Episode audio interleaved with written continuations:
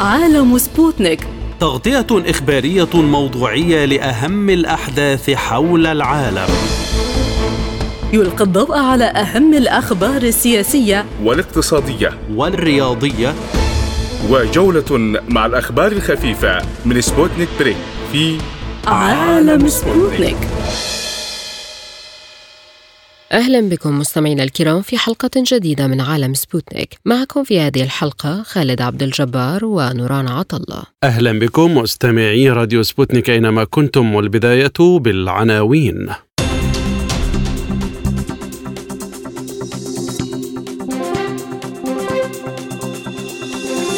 إسرائيل تهاجم سوريا ردا على إطلاق صواريخ باتجاه الجولان في سابقة نادرة. القوة الإسرائيلية تحاول إخلاء الأقصى من المعتكفين وتحذير تركي وآخر من منظمة التعاون الإسلامي.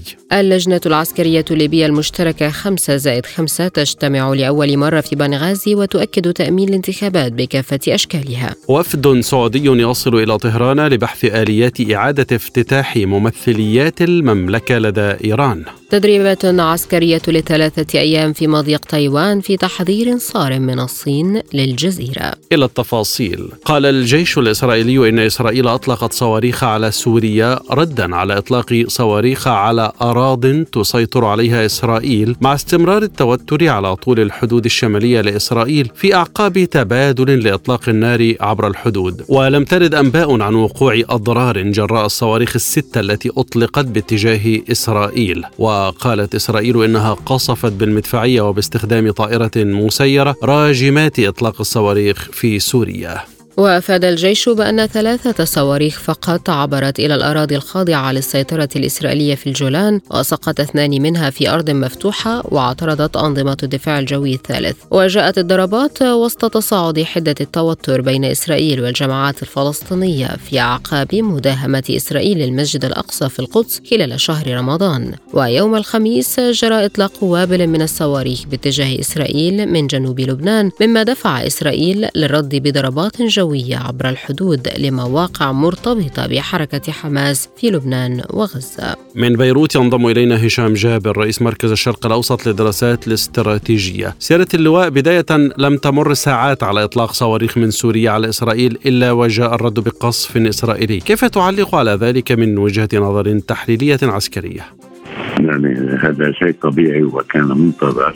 الرد السوري على الصواريخ الإسرائيلية سواء كانت أرض أرض أو كانت قصف بواسطة الطائرات لأنه التي تقصف سوريا من خارج الأجواء السورية.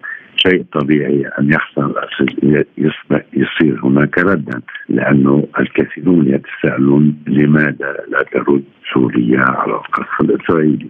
فهذا كان منتظرا وكان آه طبيعيا. لكن هل تفتح جبهة عسكرية جديدة من سوريا ضد إسرائيل بجانب جبهتي لبنان وغزة؟ لا أعتقد. أولا جبهة لبنان لم تفتح. جبهة غزة شيء طبيعي هي مفتوحة دائما لأن إسرائيل لا يمكن أن تستقوي إلا على خطى غزة وتستطيع أن تقوم بهجوم بري وبقصف الطائرات. وفي أجواء غزة وبتدمير وباغتيالات أما الجبهة اللبنانية فتختلف تماما. إسرائيل ليست لها مصلحة اطلاقا بفتح جبهة الجنوب لأسباب عديدة لا يسمح المجال بذكرها اهمها أهمها الريبركسيون يعني التداعيات فتح جبهة مع لبنان حيث يدمر كما يقول الخبراء الإسرائيليون أكثر من 40 أو 50% من البنى التحتية الإسرائيلية في ضوء وجود أكثر من 200 ألف صاروخ أو 150 ألف صاروخ لدى المقاومة. ثانيا منصات النفط والغاز التي بنتها إسرائيل في البحر وبدأت تعمل خلال عشر سنوات يعني يمكن أن تدمر في حال فتح شبهه مع لبنان خلال عشر دقائق. وهي سعيد لك تقول ذلك لأن المقاومة في لبنان آه كما تقول إسرائيل لديها صواريخ يوخونت آه أرض بحر تستطيع أن تدمر هذه المنصات أسباب عديدة تمنع إسرائيل حتى في حالة الجنود بفتح جبهة مع لبنان. ناهيك عن الموقف الأمريكي وانشغال أمريكا في أمور أخرى في أوكرانيا وأمريكا افهمت اسرائيل أن لا تفتح أي جبهة لأنها لا تستطيع مساندتها أما موضوع الجبهة السورية فالجبهة السورية القرار يا عزيزي لا يعود فقط آه للحكومة السورية وهي لن تقوم بفتح جبهة. أما إذا اعتدت إسرائيل فهي حتما ترد. وروسيا. روسيا معنية معنية بشكل أساسي بالجبهة السورية. الروس موجودون في سوريا في قاعدة حميميم وفي طرطوس وحتى في الجنوب الروسي. فلن يسمحوا لإسرائيل أن تفتح جبهة مع سوريا ولا أعتقد أنهم سيقومون بالإعادة للدولة السورية بالجبهة نعم. سيادة اللواء البعض تحدث عن أن إسرائيل نفسها لا تستطيع أو لا تريد فتح جبهة جديدة بسبب أزماتها الداخلية كيف تعلق؟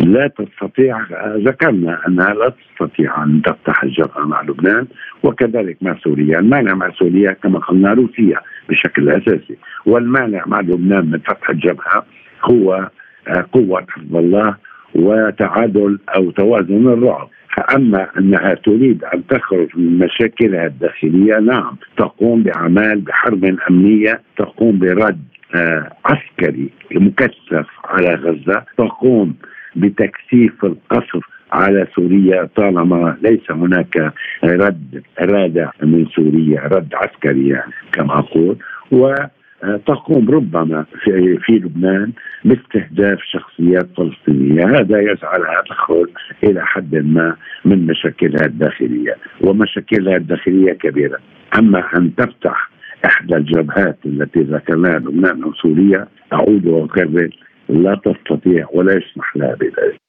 بعض المصادر تحدثت عما يسمى لواء القدس آه، مسؤولا عن هذه العملية وعاد هذا الفصيل ونفى مسؤوليته، كيف يمكن تقييم هذه الأخبار؟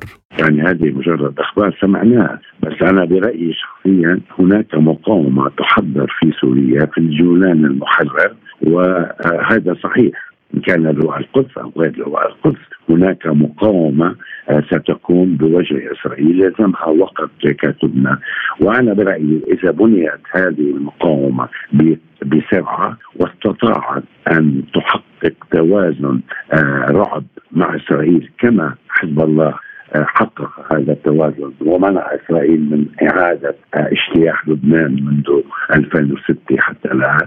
تستطيع ربما هذه المقاومة في سوريا أن تحقق الردع الكافي الذي يمنع إسرائيل من قصف سوريا. تذكر إسرائيل لم لم تقصف لبنان بأي صاروخ منذ أكثر من يعني 17 عاما منذ 2006 مع أنها تحضر نفسها كل يوم وتقيم مناورات وتخطط للسياح ولهجوم بري ولهجوم آه، جوي ولا تقوم بذلك. السبب خشية فتح هذه الجبهة وخشية التعرض لتداعياتها التي لا يستطيع أن يتحملها أي رئيس إسرائيل. وانظر داخل إسرائيل الأصوات التي تبرز دائما بأن هذه الحكومة مهما تطرفت تهدد بفناء إسرائيل وبخير لا تتحمل خسائر أي حق مع لبنان أو حتى مع سوريا.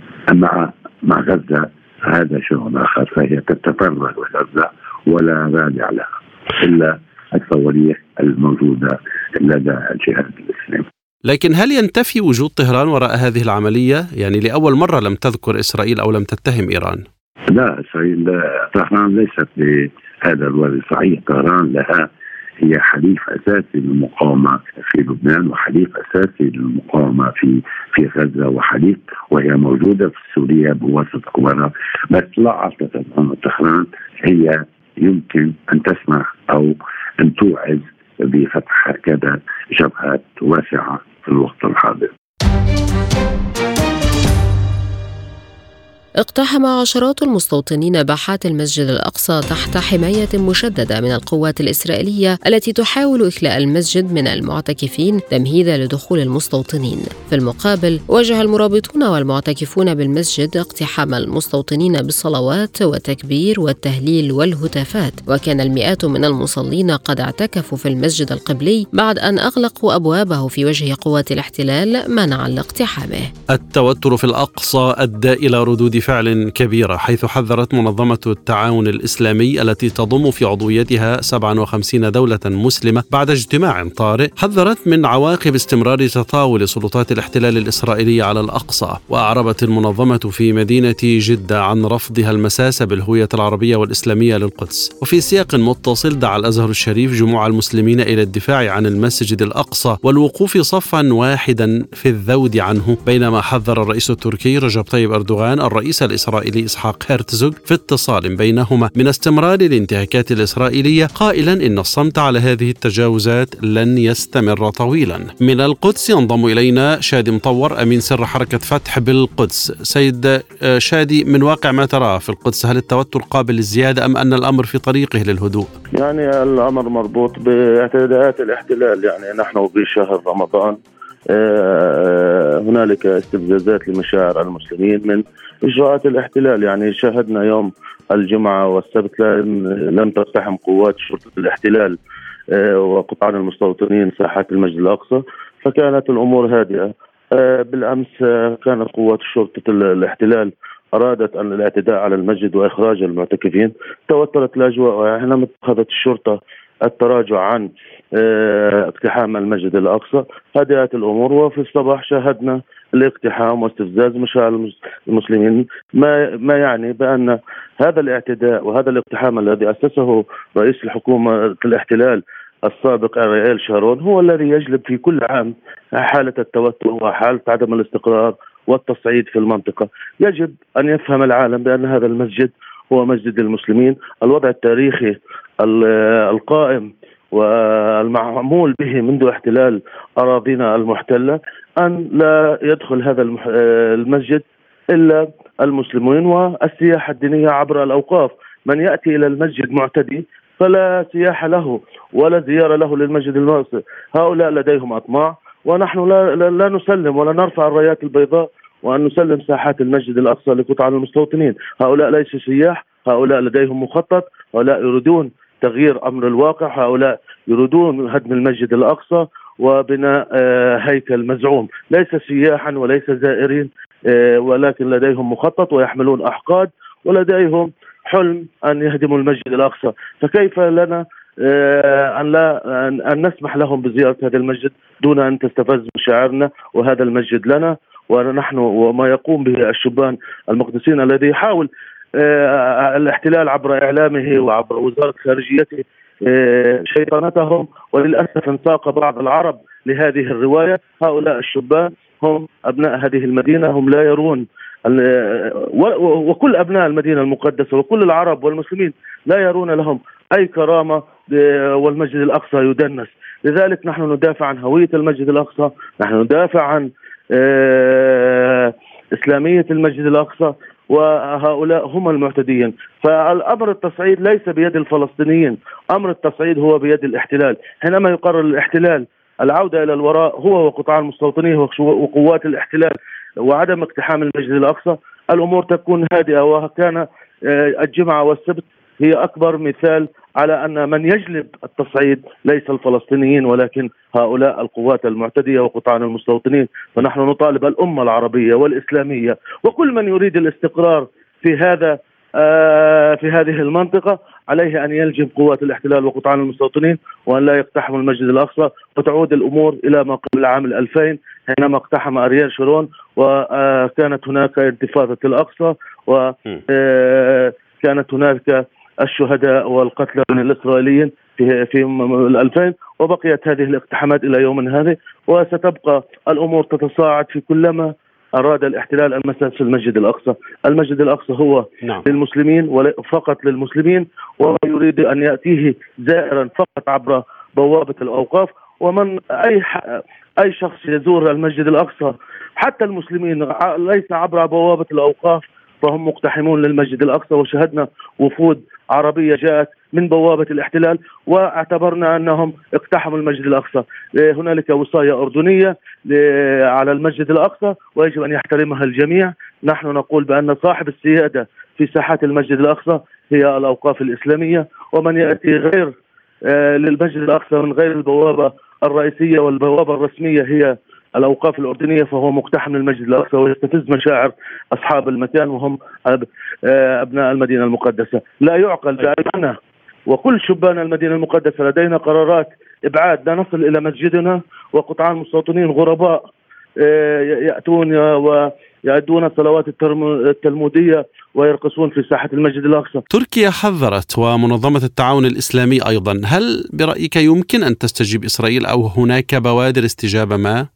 يعني نحن شاهدنا آه، في كل عام تحذر آه، دول المؤتمر الإسلامي. نحن مع كل موقف آه، ينتصر لنا. ونحن شاهدنا بأن هنالك تحذيرات وهنالك دائما. ولكن للأسف الاحتلال لا يفهم إلا لغة القوة ولغة المصالح. هذا الاحتلال حينما ذهب إلى العقبة وإلى شرم الشيخ كان أجدر به أن أن يخضع للحلول الدبلوماسية وأن يحترم الأردن ويقول نحن سنوقف الاقتصاد اقتحامات من أجل آه، أن نعطي آه، أفق سياسي في المنطقة. ولكن لم يوقف هذا الاحتلال آه، الاقتحامات وقلصها بعد التصعيد. يعني ما نفهمه بأن الاحتلال لا يتراجع إلا بالتصعيد. يعني بالأمس لم يقتحموا المسجد القبلي وإخراج الشبان من أجل أن أنه فهم بانها ستجر إلى تصعيد أكبر في المنطقة. لذلك هذا الاحتلال لا يفهم إلا لغة القوة ولا يفهم إلا لغة المصالح. نحن نقول لكل الدول تركيا تركيا ومصر وكل الدول التي تقيم علاقات مع الاحتلال. أن ترهن الوضع في المسجد الأقصى بعلاقتها بدولة الاحتلال وأن توقف علاقتها إذا استمر الاحتلال في تدنيس المسجد الأقصى واستمرت الاقتحامات. أما التحذيرات والبيانات بدون يعني هو معنوي جيد ولكن بدون أن يترجم على الأرض وبدون أن يكون هنالك بالفعل تطبيق على أرض الواقع الاحتلال سيبقى آه، لا يوقفه إلا إرادة أبناء المدينة المقدسة لا توقفه إلا ردات الفعل التي الذي تقوم بعد أن يرتكب جريمته. وللأسف هذا الاحتلال في كل عام يرتكب جريمته ويتراجع ويرى بأن إرادة المقدسيين وأحرار الأمة الذين ينتصرون للمسجد الأقصى قوية فيتراجع عن مخططاته وما يقف عن تهويد المسجد الأقصى وهدمه وبناء الهيكل هي هذه الإرادة. لذلك نرى بأن اليوم آه، هنالك إمكانية بأن توضع الأمور على نصابها وأن توقف الدول العربية والإسلامية وأن تدافع عن رواية الحق روايتنا وأن آه، تتبنى رواية هؤلاء المعتكفين ونحن شاهدنا البيان المخزي الذي صدر عن دولة الإمارات الذي ساوى بين المقتحمين وبين المدافعين ونحن لا نملك إلا صدورنا العارية ندافع عن المسجد الأقصى فكيف يساوي هذا البيان بين الضحية والجلاد هل يشهد العالم الإسلامي توحدا إلى حد ما حاليا ضد هذه الاعتداءات سيد شادي؟ نحن دائما على أمل به ونحن دائما ننظر إلى أمتنا العربية والإسلامية أن تقف موقف جاد ومسؤول ونحن دائما نحيي المواقف المعنوية ولكن هذه المواقف المعنوية لا تردع الاحتلال، ما يردع الاحتلال كما قلت لك هي المواقف الجدية التي تترجم الاحتلال، اعتاد الاحتلال على بيانات الاستنكار والشجب. وهذا جيد من الناحية المعنوية هو جيد ومن الناحية آه، أننا نحافظ على حقنا جيد. ولكن يجب أن تترجم من أجل وقف بدوامه التصعيد، الكل يسعى إلى الاستقرار، الاستقرار كما قلت لك في الجمعه في أيام الجمعة والسبت لم يقتحم قطعان المستوطنين وقوات الشرطة المسجد الأقصى فكان هنالك هدوء واستقرار، اليوم توترت الأوضاع وفي كل محاولة لهذا الاحتلال المساجد بالمسجد الأقصى سيجد هنالك دفاع، لن نسلم ولن نرفع الرايات البيضاء. آه، حب المسجد الأقصى عقيدة. الاحتلال يعتقل آلاف من أبناء المدينة المقدسة من أجل عدم الدفاع عن المسجد الأقصى والشهداء والجرحى. وبليلة واحدة اعتقل أكثر من 400 معتقل. لذلك لا يجد هذا الاحتلال في المدينة المقدسة وفي أبناء شعبنا الفلسطيني وأيضا أحرار أمتنا العربية الذين خرجوا في كل الشوارع من أجل الانتصار للمسجد الأقصى. لن يرى أحد أن يتنازل المسجد الأقصى. يجب أن يتبنى المستوى العربي والإسلامي الرسمي طموح ومتطلبات شعوبه وأن يتخذ مواقف جدية تلجم هذا الاحتلال من المساجد المسجد الأقصى. ونحن لطالما دائما حذرنا بأن هذه الاقتحامات لديها أطماع حقيقية داخل المسجد الأقصى. ولو لم توجد أطماع حقيقية لما توفر حكومة الاحتلال كل هذه القوات الشرطية آه، من آه، لحماية حقهم في الاقتحام. وشرعنة الاقتحام وآلاف الشرطة وحرس الحدود الآن منتشرين من أجل أن يوفروا ل 500 أو 900 مقتحم آه، المسجد الأقصى. وهذا دليل بأن الاحتلال في إرادته هو يريد أن يغير الأمر الواقع وهو في كل عام يبحث عن آه، آه، انتقال إلى نقطة إلى الأمام. شاهدنا بدأوا بالاقتحام بدأوا باعداد قليله الآن الاعداد ترتفع بعدها اتجهوا إلى آه، الصلوات الترمذية ورفع الأعلام وهم في كل عام يريدون أن يشرعنوا الان نتنياهو يصرح في كل تصريحاته بأننا نحافظ على الوضع ولا لا نية لنا لا نية لنا بتغيير الأمر الواقع التاريخي القائم. هو بالفعل يغير هذه الاقتحامات آه، هي انتهاك وتعدي على الوضع التاريخي القائم ولكن هو يريد الآن فقط شرعنه هذه الاقتحامات وأن تكون الاقتحامات مشرعنة وانها هذه ويثبت بالأمر الواقع بأن هذه الاقتحامات أصبحت امرا واقعا ومن ثم آه، يتجه إلى المخطط التالي وهو السيطرة على أجزاء المسجد الأقصى وبناء هيكلهم المزعوم. هذا الاحتلال يأتي بخططه بالتدريج وهو يعرف بأن العالم العربي والإسلامي إذا توحد هو آه، ستكون نهايته، لذلك هو يريد ان يمرر المشهد بالتدريج آه، ولا يريد مشهد يجمع الأمة العربية والإسلامية ويوحدها لأنه يعلم بأن بوحدة العرب والمسلمين لا وجود لدولة هذا الاحتلال، لذلك نرى بأنه تراجع عن قصف غزة، تراجع عن قصف لبنان، تراجع عن التصعيد في الضفة الغربية لأنه وجد أن هنالك مصطلح آه، وحدة الساحات وهو لا يقدر كان يريد أن يستفرد في غزة لوحدها في لبنان لوحدها في سوريا لوحدها بالقدس لوحدها ولكن أن تكون الجبهات موحدة فهذا الاحتلال ضعيف. وهذه رسالة لأمتنا العربية والإسلامية بأن وحدتنا ننتصر بأن نقف موقف واحد والمسجد الأقصى لا خلاف عليه. في كل الدول العربية والإسلامية وحب المسجد الأقصى وعقيدة المسجد الأقصى هي لكل الدول العربية والإسلامية. فلنتوحد على هذا الموقف وأن يكون هنالك خطاب موحد من الأمة العربية والإسلامية ومن كل الدول.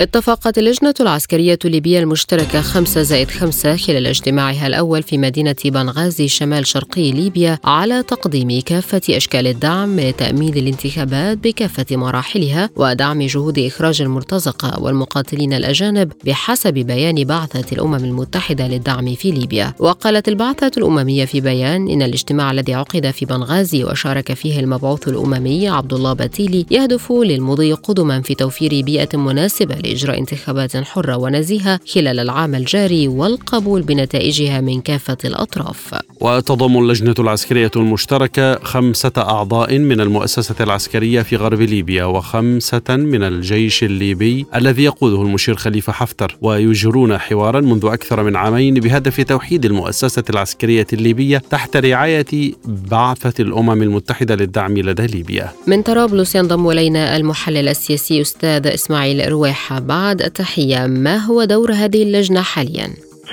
بالفعل يعني هو على الصعيد النظري إن هناك يعني اجتماعات ربما تحدث ما بين القادة العسكريين والأمنيين من المنطقة الشرقية والمنطقة الغربية لأول مرة.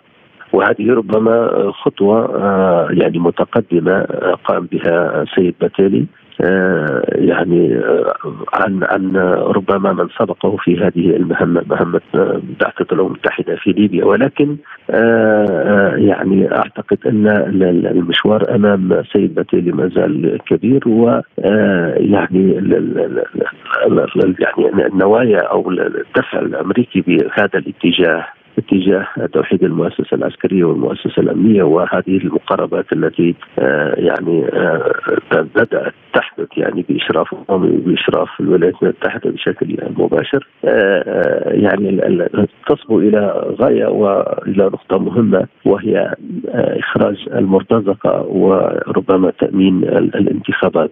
طبعا هنا يعني نستطيع أن نقول أن آه، يعني ما كان يتمسك به عقل صالح خليفة حفتر والسيد بشاغ الذي يعني يقود حكومة موازية في المنطقة الشرقية آه، كانوا يسعون أو يضغطون باتجاه تشكيل حكومة جديدة في هذه الفترة. تكون مهمتها الإشراف على الانتخابات. هذه ال ال ال يعني أعتقد أن هذا المطلب في ظل هذه التطورات السياسية والأمنية. أعتقد أنه يعني يعني عفى عنه الزمن وسوف يكون الأمر ربما إلى هذه القوات الأمنية المشتركة التي هذه القوى الأمنية المشتركة التي تحتزم التشكيلات العسكرية والقيادات العسكرية تشكيلها في المرحلة القادمة للاشراف على الانتخابات.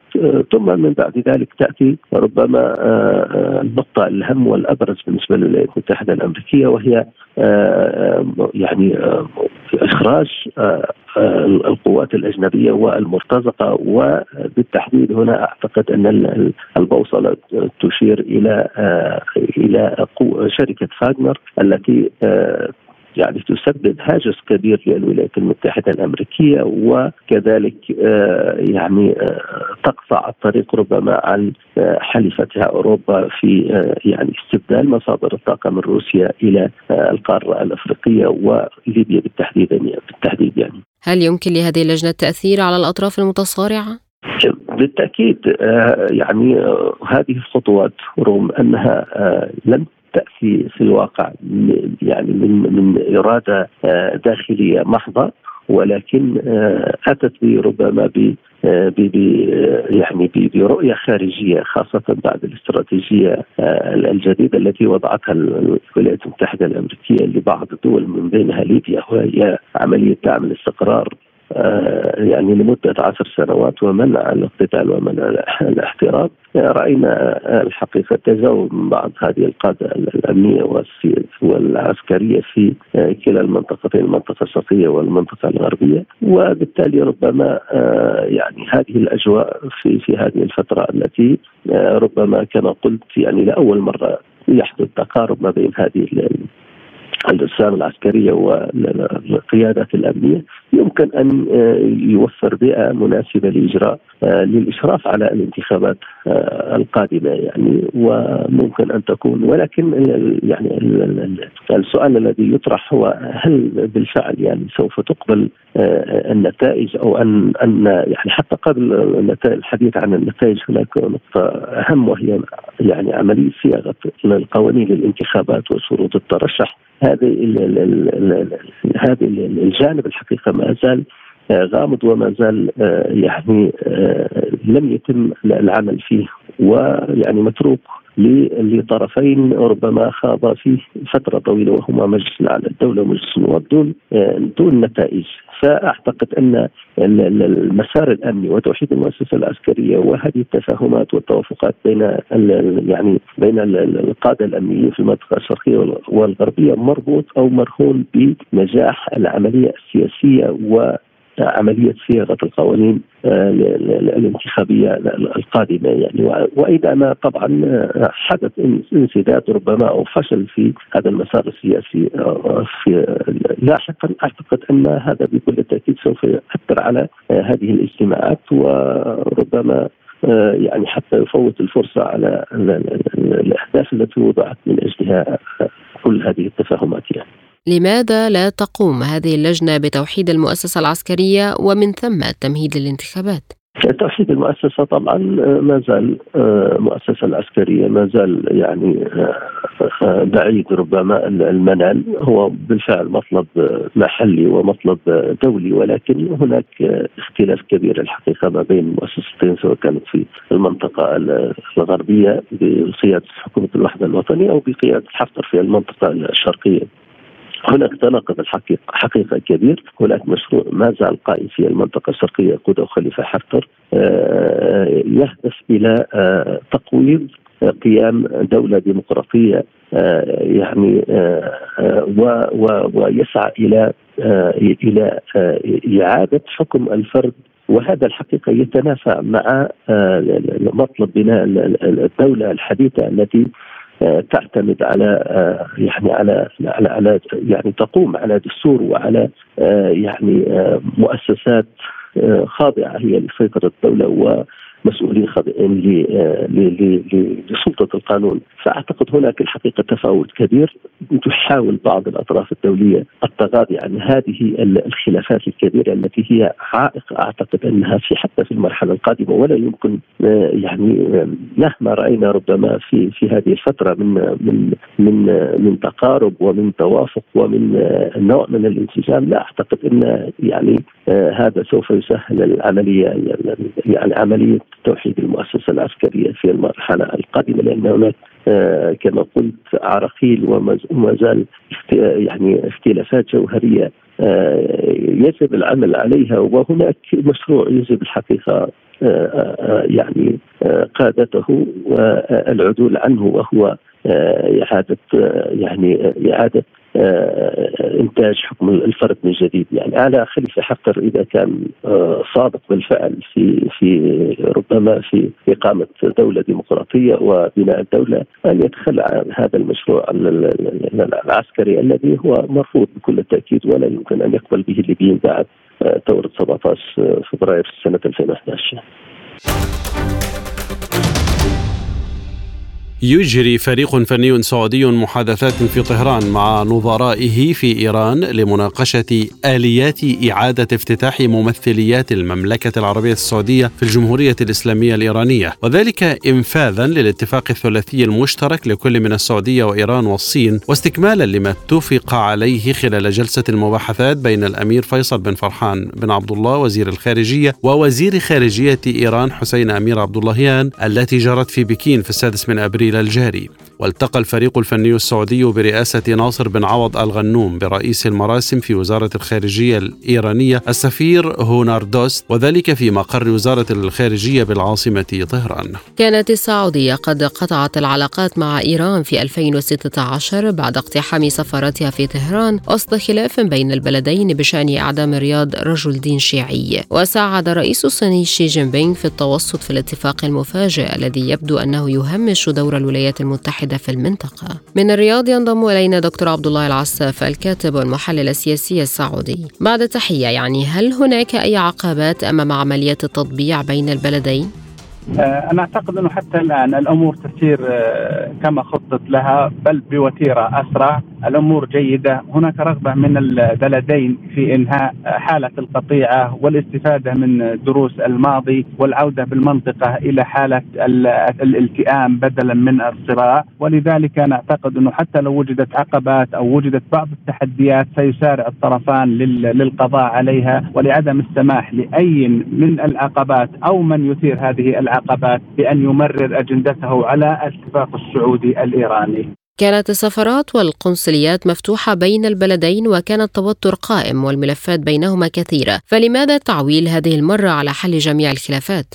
آه بالتاكيد أنه حل جميع الخلافات هو الأساس، نحن اليوم كأننا نبتدئ نحن وإيران من الصفر، نحن كأننا إلى الآن نؤسس علاقة جديدة، لا نطوي صفحة الماضي بعفى الله عما سلف، لكن لابد أو هذا ما أتوقعه أن كان هناك مصارحة قبل المصالحة، لا كان هناك اجتماع أمني رفيع المستوى، بالتالي حلت نحن العلاقات بيننا وبين إيران تأزمت امنيا، نحن لا نختلف على قطعة آه، أرض أو مساحة حدودية، البعد الأمني والبعد القومي الأمن القومي العربي هو السبب الرئيس ولذلك أنا أعتقد أنه بعد اجتماع الوزير السعودي آه، السيد العيبان السيد مساعد العيبان والعلي شامخاني آه، حلت كثير من هذه الأزمات وحلت كثير من هذه الخلافات وبالتالي تم الاتجاه اليوم إلى النقاط الأسرع فتح الخل فتح السفارات والقنصليات وإعادة آه، وإعادة الخطوط الجوية فيما بين البلدين وأيضا الاستثمارات. أنا أعتقد أنه الاستثمارات والاقتصاد هي العجله التي سوف تحرك العلاقة الاقتصادية وتقودها. هل الوسيط الصيني يستمر في متابعة المصالحة أم أن الأمر اقتصر على الطرفين فقط حاليا؟ بل يجب لأنه بالمناسبة الموضوع هناك أربعة أطراف رابحة لكن الصين واحدة من الأطراف الرابحة في في هذه المصالحة، الصين قدمت نفسها هذه فرصة ذهبية بالنسبة للصين أن تقدم للعالم نفسها بأنها ليست محور اقتصادي بل إنها محور اقتصادي وسياسي وبأنها دولة أو كقطب جديد اليوم يظهر إلى العلن، يذكرني الموقف الصيني بموقف الولايات المتحدة عندما أفصحت عن نفسها نفسها ودخل في الحرب العالمية الثانية فأصبحت القوة رقم واحد بعد حين. ولذلك الصين تسعى لهذا اليوم اتباع هذه الخطوات والإصباح عن نفسها بأنها قطب ثنائي تشارك الولايات المتحدة في قيادة العالم وأنها أصبحت أيضا لها تحولاتها السياسية والخروج من الانكفاء على ذاتها إلى اليوم أبعاد مهمة جدا. والأطراف البقية الثلاث السعودية إيران والمنطقة والعالم أيضا كلهم مستفيدين. درجات الاستفاده طبعا تختلف لكن الصين لأن لها مصلحة في استمرار هذا الوئام لأن لها مصالح أيضا في هذه المنطقة وغير المصالح أيضا مصلحتها كانها تريد اليوم أن تقدم للعالم نفسها كقوة صاحبة قرار. وبالمناسبة سبقت هذا الحدث باتفاقية أمنية مع روسيا. كل هذه الخطوات تجعل الصين على خط الثنائية القطبية الدولية. هل لديكم معلومات عن الترتيبات الجديدة التي تقام على أساسها العلاقات بين البلدين؟ أنا تحدثت أنه المصارحة قبل المصالحة. هناك بعد أمني مهم جدا. هناك اتفاق وتفعيل الاتفاقية الأمنية التي وقعت عام 2001 مع إضافة الكثير من البنود التي طرأت عليها عطفا على المتغيرات التي حدثت خلال العشرين عاما الماضية. المخاوف لدى كلا الجانبين وبالتالي تصبح هذه وثيقة يجب أن يلتزم بها كلا البلدان لأنه أكلاف السلام أقل على الجميع من أكلاف الحرب وأكلاف السلام هي القادرة على حماية المنطقة من خصومها ومن أعدائها ومن أصدقائها المنافقين. أجرت الصين الأحد محاكاة لضربات دقيقة ضد أهداف رئيسية في تايوان والمياه المحيطة بها في اليوم الثاني من تدريبات لتطويق كامل تستمر حتى الاثنين. وتؤكد بكين أنها تحذير جدي بعد لقاء الرئيسة ساي وينغ إين مع مسؤول أمريكي كبير. وأدانت تايوان بشدة العملية التي أطلق عليها اسم السيف المشترك بينما دعت الولايات المتحدة بكين إلى ضبط النفس مؤكدة أنها تبقي على قنوات اتصالها مع الصين مفتوحة. بدأت هذه المناورات بعد اجتماع الأربعاء في كاليفورنيا بين الرئيسة التايوانية ورئيس مجلس النواب الأمريكي كيفن مكارثي ووعدت بكين بالرد عليه بإجراءات حازمة وقوية. وقال التلفزيون الصيني إن المناورات تهدف إلى بناء قدرات صينية للسيطرة على البحر والمجال الجوي والمعلومات من أجل خلق ردع وتطويق كامل لتايوان. من بكين معنا المحلل السياسي نادر هوان. بعد التحية يعني التصعيد يزداد والولايات المتحدة تقف خلف التوتر فهل هناك محاولة لاستدراج الصين لنزاع عسكري؟ آه نعم الولايات طبعا الولايات المتحدة تقف وراء هذا التوتر وإن دعمها للانفصاليين في تايوان ويزيد التوتر والتصعيد بين للوضع بين الجانبين المضيق فالولايات المتحدة دائما تريد استخدام تايوان كورقة ضغط لاحتواء الصين وربما أيضا مستعدة لإدخال الصين في الحرب استنزاف طويلة المدى لإضعاف الصين لماذا تعتبر المناورات الصينية خطيرة وهي مجرد تدريبات سرعان ما تنتهي وتعود القوات أدراجها؟ آه هذه المناورات السؤال الثاني هذه المناورات هي بمثابة محاكاة للقتال الميداني وخاصة آه في الأيام الثلاثة هذه آه هو الاشتراك لتنفيذ المهمة لمختلف أنواع من أسلحة الجيش لجيش التحرير الشعبي الصيني لتنفيذ مهمة التوحيد. في آن واحد وهو بمثابة المحاكاة للقتال الميداني هل يمكن أن تنزلق الأمور إلى عمل عسكري ودخول القوات الصينية إلى تايوان لتسيطر عليها؟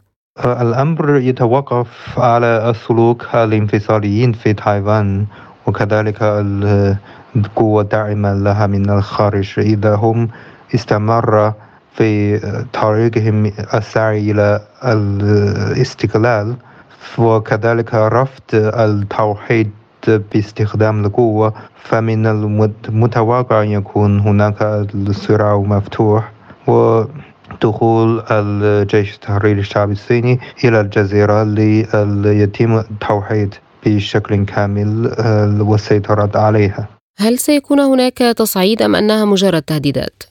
يعني التصعيد بين الصين والولايات المتحدة فهذا من المحتمل أن يكون. ولكن أيضا هذا يتوقف على سلوك الولايات المتحدة فأعتقد إذا كان هناك المواجهة مباشر بين البلدين سيكون هناك كارثة كبيرة للمنطقة والعالم كذلك. ربما سيؤدي إلى الحرب العالمية الثالثة ولكن أعتقد البلدين يعملان بشكل يعني بالتعامل مع هذا الأمر بالحذر. و الصين تبذل أقصى جهودها لتجنب من ذلك ما هي قراءتك للأحداث في الفترة القادمة؟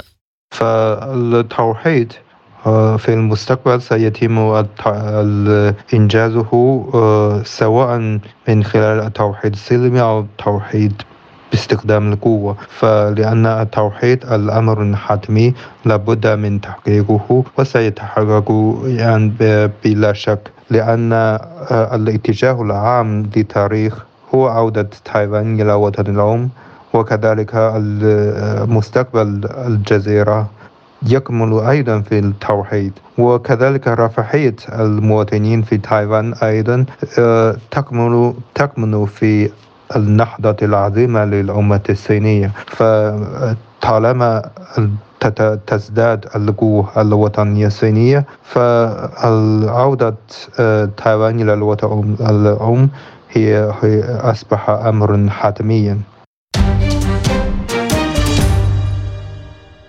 عالم سبوتنيك مستمر معكم وهذه جولة من الأخبار حول العالم.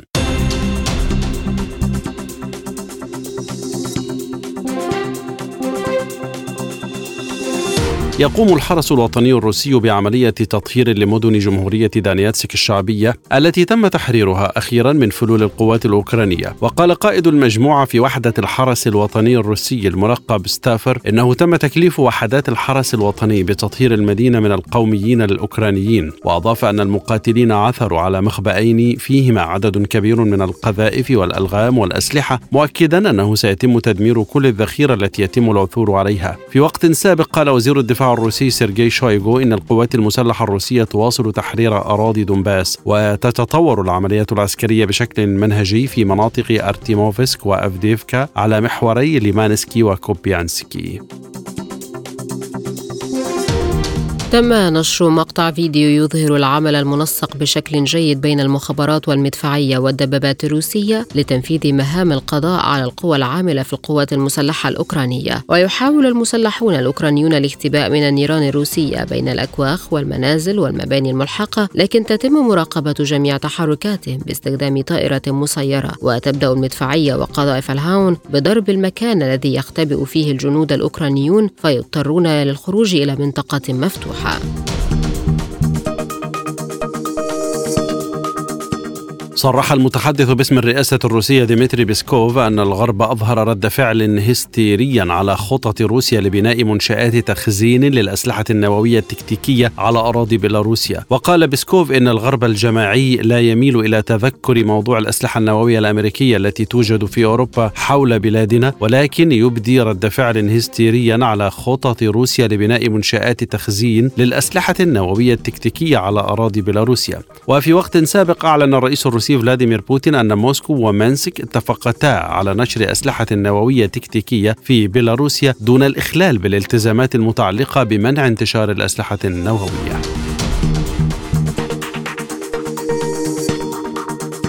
أعلن رئيس حكومة تصريف الأعمال اللبنانية نجيب ميقاتي أن تحقيقات الجيش اللبناني بشأن القصف الأخير الذي انطلق من الأراضي اللبنانية نحو إسرائيل كشفت أن عناصر غير لبنانية هي من قامت بإطلاق الصواريخ. وقال ميقاتي إن الأمر كان عبارة عن ردة فعل على العدوان الإسرائيلي على الأراضي الفلسطينية وقطاع غزة وشدد على أن لبنان يرفض مطلقا أي تصعيد عسكري من أرضه واستخدام الأراضي اللبنانية لتنفيذ عمليات تتسبب بزعزعة الاستقرار. الاستقرار القائم وأكد رفض لبنان للعدوان الإسرائيلي المستمر على أراضيه وانتهاك السياده اللبنانية. أعلن الجيش الإسرائيلي عن تمديد فترة الإغلاق العام في الضفة الغربية وقطاع غزة حتى منتصف يوم الأربعاء المقبل. وقال المتحدث باسم الجيش الإسرائيلي أفيخاي أدرعي أنه بناء على توجيهات وزير الدفاع وتقييم الوضع الأمني تقرر تمديد فترة الإغلاق العام في منطقة يهودا والسامرة وقطاع غزة حتى منتصف يوم الأربعاء الثاني عشر من نيسان أبريل الجاري وذلك وفق تقييم الوضع. ونوه أدرعي أنه خلال فترة الإغلاق سيتم السماح بعبور حالات إنسانية وطبية واستثنائية بعد موافقة منسق أعمال الحكومة في المناطق. كان الجيش الإسرائيلي أعلن في وقت سابق من الجمعة أنه تم إطلاق 44 صاروخا من قطاع غزة على مستوطنات وبلديات غلاف غزة لافتا إلى سقوط صاروخ منها على منزل في سدروت دون إصابات.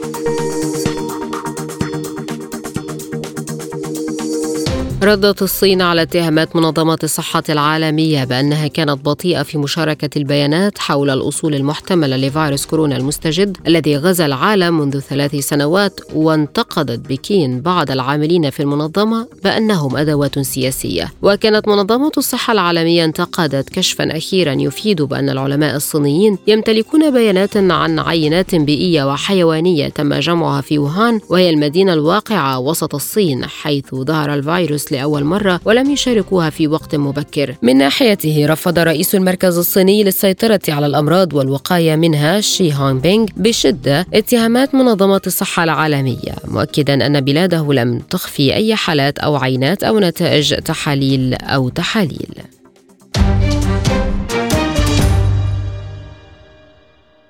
والآن إليكم تذكرة بأهم عناوين هذه الحلقة.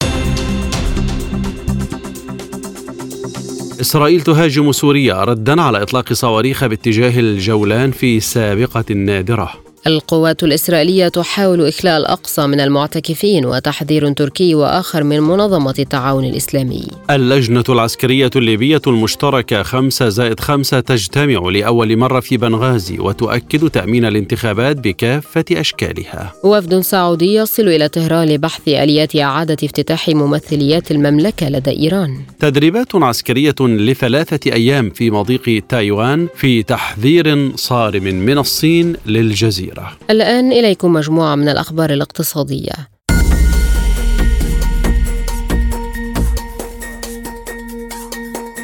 أعلنت المؤسسة الوطنية للنفط في ليبيا عن إعادة افتتاح بئر غاز في البحر المتوسط بعد أن ظل متوقفا لمدة عامين. وقالت المؤسسة في بيان رسمي إن الشركة ميليتا للنفط والغاز نجحت في إعادة فتح البئر الغازي رقم CWO4 الواقع على منصة سبرات البحرية. وذلك بعد توقفه عن الإنتاج منذ الثامن والعشرين من يناير كانون الثاني عام 2021 بسبب تعرضه لمشاكل فنية. وأشارت إلى أن إجمالي إنتاج البئر سيصل إلى نحو 37 مليون قدم مكعب يوميا من الغاز فضلا عن أن كمية المكثفات تقدر بنحو ألف برميل يوميا. وأكدت المؤسسة الوطنية للنفط في ليبيا أن منصة سبرات البحرية هي واحدة من أكبر منصات الإنتاج في ليبيا ويمثل هذا البئر جزءا هاما من عمليات الإنتاج على المنصة.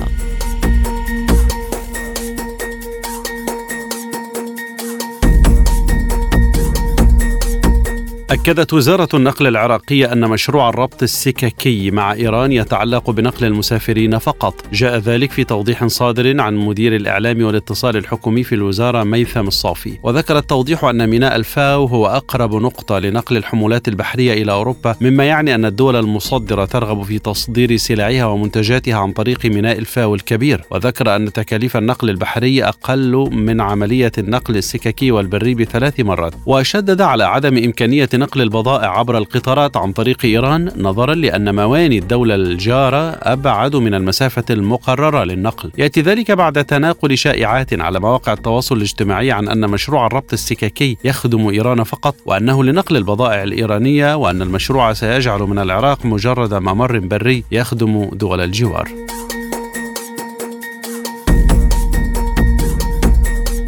فعل المغرب إجراء قانونيا يتيح للبنك المركزي منح سيولة مستعجلة بضمان من الدولة لفائدة البنوك التي تواجه صعوبات في السيولة وتكون ملاءاتها محل شك. الإجراء المفعل منصوص عليه في القانون الأساسي للبنك المركزي منذ سنوات، لكن تطبيقه بقي رهنا لصدور مرسوم من قبل الحكومة يوضح شروط منح الضمان لتغطية السيولة المستعجلة الممنوحة للبنوك. وأوضحت الحكومة المغربية في بيان عقب المصادقة على المرسوم أواخر الأسبوع الماضي أن الضمان الذي تمنحه الدولة لبنك المغرب بشكل استثنائي في إطار الحفاظ على الاستقرار المالي يهدف للحفاظ على المتانة المالية لبنك المغرب بعد توفير السيولة الطارئة للبنوك.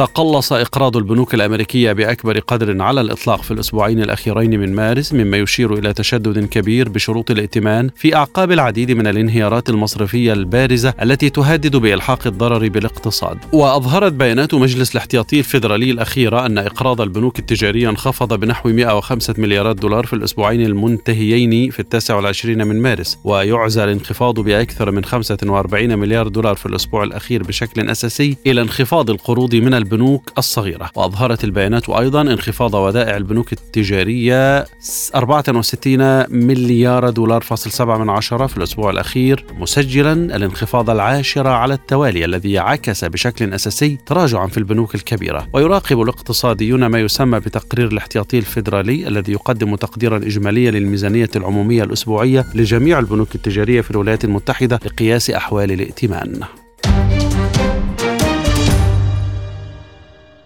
الآن إلى أخبار الرياضة.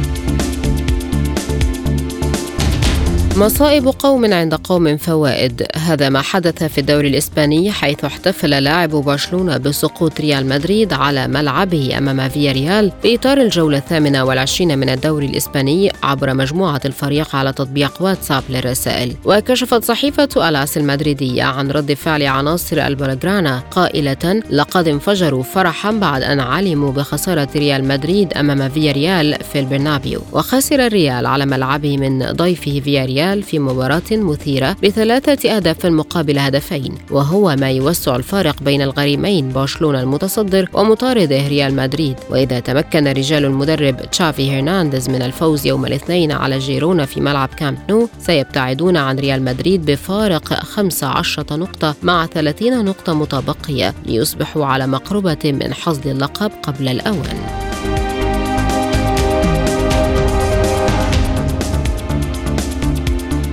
اعتبر بيب جوارديولا مدرب مانشستر سيتي أن الهداف النرويجي للنادي إيرلينغ هالاند مشابه تماما للنجم البرتغالي كريستيانو رونالدو مستدركا أن الأرجنتيني ليونيل ميسي هو اللاعب الأكثر كمالا في العالم. جاء ذلك بعدما بلغ هالاند 30 هدفا في الدوري الإنجليزي الممتاز هذا الموسم إثر تسجيله هدفين في مرمى ساوثهامبتون أحدهما بمقصية رائعة. ورفع الهداف النرويجي رصيده إلى 44 هدفا في كل المسابقات هذا الموسم علما أنه يبعد خمسة أهداف فقط من كسر رقم آندي كول موسم 1993 1994 وألان شيرر موسم 94 95 في الدوري الإنجليزي الممتاز إذ سجلا 34 هدفا خلال موسم واحد.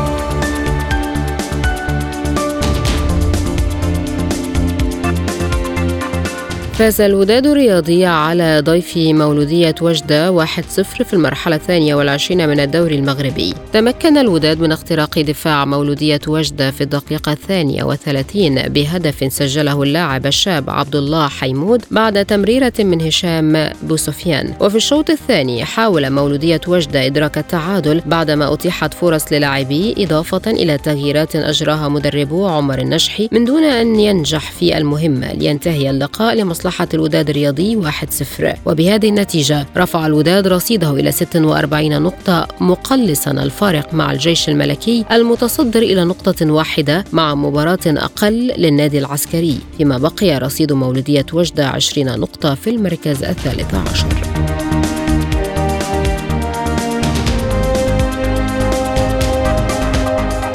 تأهلت التونسية أنس جابر المصنفة خامسة عالميا إلى نهائي بطولة تشارلستون للتنس للعام الثاني على التوالي بعد فوزها على الروسية داريا كاساتكينا 7-5 و7-5 وهو الفوز الخامس على التوالي للنجمة التونسية أنس على كاساتكينا في مقابل انتصارين للروسية وتوقفت المباراة في المجموعة الأولى بسبب الأمطار وكانت النتيجة تشير إلى تقدم كاساتكينا 5-3 قبل أن تعود اللاعبتان لأرض الملعب بعد عدة ساعات لتنتفض جابر وتقلب تأخرها إلى انتصار بنتيجة 7 5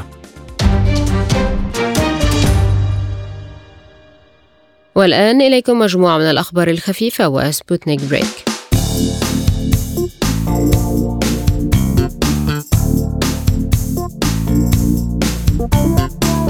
يبدأ في روسيا في العشرين من أبريل الجاري عرض فيلم التحدي السينمائي الذي تم تصويره على متن المحطة الفضائية الدولية. وينتظر رواد الفضاء الروس بفارغ الصبر وصول هذا الفيلم إلى المحطة الفضائية الدولية حيث ينوون مشاهدته. صرح بذلك رائد الفضاء الروسي ديمتري بيتيلين الذي عقد مؤتمرا صحفيا مع طاقم المحطة الفضائية وقال إنهم ينتظرون وصول هذا الفيلم إلى المحطة الذي شارك في تصويره عدد من الزملاء الرواد. يذكر أن التحدي هو أول فيلم سينمائي تم تصويره في الفضاء ومن أجل إخراجه انطلقت إلى المحطة الفضائية الدولية يوم الخامس من أكتوبر عام 2021 مركبة سويوز إم إس 19 مع الممثلة يوليا بيرسيلد والمخرج السينمائي كليم شيبينكو. وبعد عودتهما إلى الأرض في السابع عشر من أكتوبر استمرا في تصوير الفيلم على الأرض ليبدأ عرضه في دور السينما الروسية يوم العشرين من أبريل الجاري.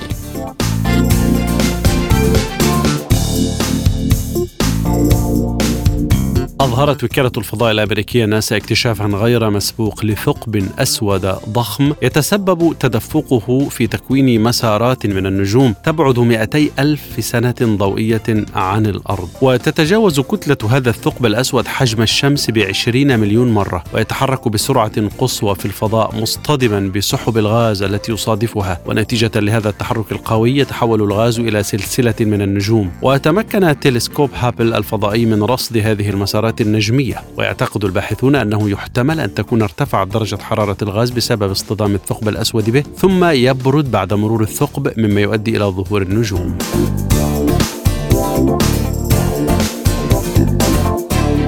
أظهرت دراسة حديثة حللت أكبر حزمة بيانات وراثية لحيوان الماموث الصوفي معلومات فريدة حول هذا الحيوان الأيقوني الذي ينتمي لفصيلة الفيلة في العصر الجليدي. ومن بين المعلومات الجديدة التي تم الكشف عنها في هذه الدراسة تفاصيل حول شعره المنتفش وأذنيه الصغيرتين وقدرته على تحمل البرودة وتخزين الشحوم. وقال باحثون إنهم حللوا الشريط الوراثي ل 23 من حيوانات الماموث الصوفي استنادا إلى بقايا محفوظة في التربة الصقيعية السيبيرية ثم قارنوها بالشريط الوراثي ل 28 فيلا آسيويا وأفريقيا من العصر الحديث. ديفيد دييز المتخصص في علم الوراثة التطوري من مركز الحفريات القديمة في ستوكهولم وقائد فريق كتابة الدراسة التي نشرت في مجلة كارنت بيولوجي العلمية. قال إن الهدف كان العثور على تلك الطفرات الموجودة في جميع أنواع الماموث لكنها غير موجودة في أي من الفيلة. تستعد شركة علي بابا لإطلاق روبوت المحادثة القائم على الذكاء الاصطناعي تونغي كيانوين لمنافسة منصة تشات جي بي تي وذلك خلال مؤتمرها للخدمات السحابية الثلاثاء المقبل. وأفادت الأخبار أن علي بابا فتحت منصتها الجديدة تونغي كيانوين أمام قطاع الأعمال ومطوري التكنولوجيا لاختبارها قبل إطلاقها رسميا. كانت ذراع الخدمات السحابية للشركة الصينية علي بابا كلاود أعلنت عبر ويتشات عن منصة الذكاء الاصطناعي الجديدة. موضحة أن قطاع الأعمال سيتمكن من الحصول على فرصة لتجربتها من خلال نظام نظام الدعوات الخاصة فقط. وبحسب الموقع الصيني وصفت علي بابا المنصة الجديدة بأنها محرك رئيسي لإنشاء الأفكار إضافة إلى زيادة الإنتاجية. كما تعتبرها وسيلة فعالة للإجابة عن تساؤلات المستخدمين اعتمادا على النموذج اللغوي الضخم أليس مايند الذي كشفت عنه الشركة في سبتمبر الماضي. وفي الختام إليكم تذكرة بأهم ما جاء في عالم سبوتنيك. إسرائيل تهاجم سوريا ردا على إطلاق صواريخ باتجاه الجولان في سابقات نادرة. القوة الإسرائيلية تحاول إخلاء الأقصى من المعتكفين وتحذير تركي وآخر من منظمة التعاون الإسلامي. اللجنة العسكرية الليبية المشتركة 5 زائد 5 تجتمع لأول مرة في بنغازي وتؤكد تأمين الانتخابات بكافة أشكالها. وفد سعودي يصل إلى طهران لبحث آليات إعادة افتتاح ممثليات المملكة لدى إيران. تدريبات عسكرية لثلاثة أيام في مضيق تايوان في تحذير صارم من الصين للجزيرة. واقتصاديا المؤسسة الوطنية للنفط في ليبيا تعلن إعادة افتتاح بئر غاز في البحر المتوسط ظل متوقفا لمدة عامين. ورياضيا فريق برشلونة يحتفل بخسارة غريم ريال مدريد أمام فياريال 3-2 مما يقرب البارسا من الفوز بالدوري الإسباني. للمزيد زوروا موقعنا على الإنترنت سبوتنيك إلى اللقاء.